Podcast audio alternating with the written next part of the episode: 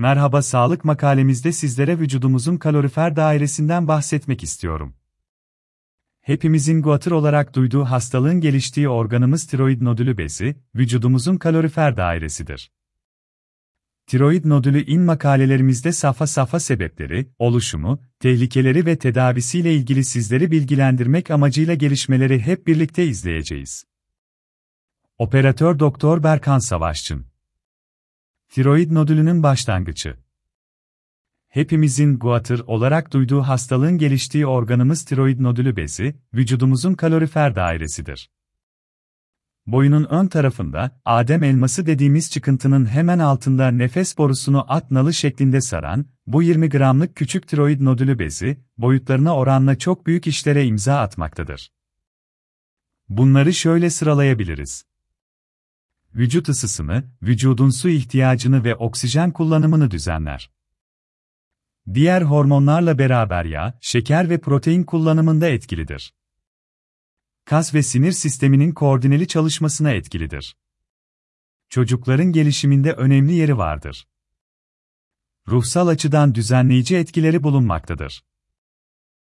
Bazal metabolizma dediğimiz, vücudun 12 saatlik açlıkta ve istirahat halinde, hayati fonksiyonlarımızı sürdürebilmek için, kalp atımı, vücut ısısı, nefes alma, böbrek ve karaciğer çalışması gibi, gerekli olan enerji miktarını ayarlayan bu çok önemli organımızın hastalıkları küçümsenmeyecek sayıdadır. Toplumda yaklaşık %30 oranında gördüğümüz, ancak birçoğumuzun farkına bile varmadığımız tiroid nodülü bezi hastalıkları, kadınlarda erkeklere nazaran daha sık olarak karşımıza çıkmaktadır. Kadınların, hormonlarının çok değiştiği, deyim yerindeyse altüst olduğu fizyolojik dönemlerinin varlığı tiroid nodülü hastalıklarının erkeklere göre kadınlarda daha sık görülmesinde etkili olmaktadır. Kadınların genç kızlığa geçiş, hamilelik ve menopoz dönemlerindeki yoğun hormonal aktivite, direkt ve dolaylı olarak tiroid nodülü bezini etkilemekte ve hastalık bu dönemlerde ortaya çıkabildiği gibi var olan hastalık yine bu dönemlerde aktive olmaktadır. Tiroid nodülü bezinin hastalıkları genel olarak yapısal ya da fonksiyonel olarak karşımıza çıkmaktadır. Bu iki ana grup hastalık, beraber olabileceği gibi, ayrı ayrı da bulunabilmektedir. Tiroid nodülü in yapısal hastalıkları nodül olan guatr, nodüler guatr ve nodül olmayan büyüme, diffüz guatr şeklinde belirlenmektedir.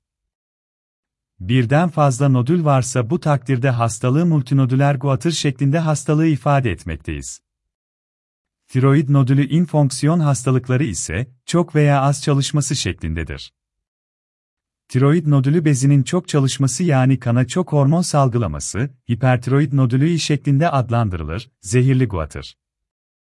Bu durumda sıcak basmaları, kalbin hızlı atması, çarpıntı, sıcağa tahammülsüzlük, zayıflama, ellerde titreme, gözlerde dışarı doğru şişlik ortaya çıkmaktadır. Az çalışması durumuna da hipotiroid nodülü denir. Bu geliştiğinde saçlarda dökülme, yorgunluk, deride kuruma, unutkanlık, halsizlik, uykuya eğilim gibi şikayetler görülmektedir. Hastalığın yapısal ve fonksiyonel olduğunu belirttiğimiz için, tanı koyarken her iki yönüyle değerlendirmek şarttır. Çocukluk çağında bile görüldüğü için yukarıda bahsettiğim, fonksiyona bağlı yakınmaların varlığında ya da boyunda bir şişlik ele geldiğinde, fonksiyon yönünden bir kan tahlili ile tiroid nodülü hormonları olan T3 ve T4'ü değerlendirmek ve tiroid nodülü in çalışmasını kontrol eden TSH, tiroid nodülü uyarıcı hormon, değerini ölçmek gerekir. Bu kan tahlillerinin yanı sıra yapısal değerlendirme için tiroid nodülü ultrasonografisi ile tiroid nodülü e bakmalıyız. Tiroid nodülü hormonlarını günün herhangi bir saati ölçebiliriz. Yani belirli bir süre aç kalmamız gerekmez. Tiroid nodülü hastalığı dediğimiz guatr iyot alımımızla yakından ilgilidir. Bu nedenle iyot alımında yetersiz veya aşırı miktarda kullanıma dikkat etmeliyiz. Piyasadaki iyotlu tuzlar bu bakımdan önemlidir. Ayrıca deniz ürünlerinden de iyot alımı oldukça zengindir. Fazla miktarda tükettiğimiz tahıl ürünlerinde ise iyot miktarı yeterli değildir.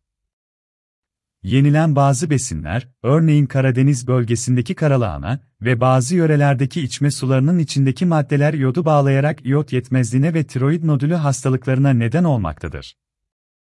İyot yetmezliği veya fazlalığının yanı sıra ailesel aktarım hatta çağımızın meşhur problemi stres bile tiroid nodülü hastalıklarına neden olabilmektedir.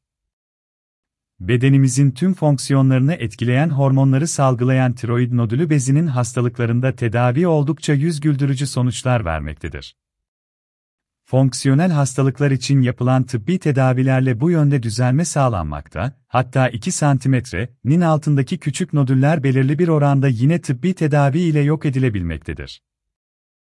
Yapısal hastalıklarda ise nodül varsa bir endokrin hastalıklar, dahiliye veya genel cerrahi uzmanının kontrolüne girmek gereklidir. Çünkü nodül varlığında nodülün yapısı ve sayısı tedavi seçeneklerini belirlemektedir. Nodüle yönelik yapılan tedavilere direnç, nodülün büyüklüğü cerrahi tedavi seçeneğini ön plana çıkarabilir. Cerrahi tedavi sonrası tekrar nodülün gelişmemesi ya da hipotiroid nodülü i dediğimiz tiroid nodülü yetmezliğinin olmaması için ilaç tedavisi gerekebilmektedir. Bunların yanı sıra, tiroid nodülü bezinin kötü huylu tümörlerinden de kısaca bahsetmek istiyorum. Son dönemlerde daha sık karşılaşır olduğumuz tiroid nodülü kanserleri 5 çeşittir. Ancak bunlardan ikisine çok sık rastlamaktayız. Özellikle erken dönemde yakalandığında cerrahi tedaviyle 80-90 iyileşme görülen tiroid nodülü kanserleri düzenli kontrol olan kişiler için korkulu bir rüya olmaktan çıkmaktadır. Özetleyecek olursak, beyin fonksiyonlarından cinsel hayata, vücut ısısından kilomuza hatta ruh halimize kadar tüm yaşantımıza etki eden bu çok önemli organımızın hastalığını tanımak için biraz kendimizi değerlendirmemiz yeterli olacaktır. Nedensiz kilo kaybı, hareketsiz halde bile görülen çarpıntı, ellerde titreme, aşırı terleme, aşırı sinirlilik, aşırı hareketlilik, cinsel isteksizlik, ishaller, az yemekte bile kilo alma, kabızlık, aşırı yorgunluk, halsizlik, uykuya eğilim, boyunda ele gelen şişlik bizi uyaran birer belirti olabilir. Unutmayalım ki, ara sıra günlük hayatımızın kaygılarından uzaklaşıp biraz kendimize dönersek, bedenimizin sesi, bizi mutlaka sağlığımız ve mutluluğumuz için uyaracaktır. Bu sese kulak verelim.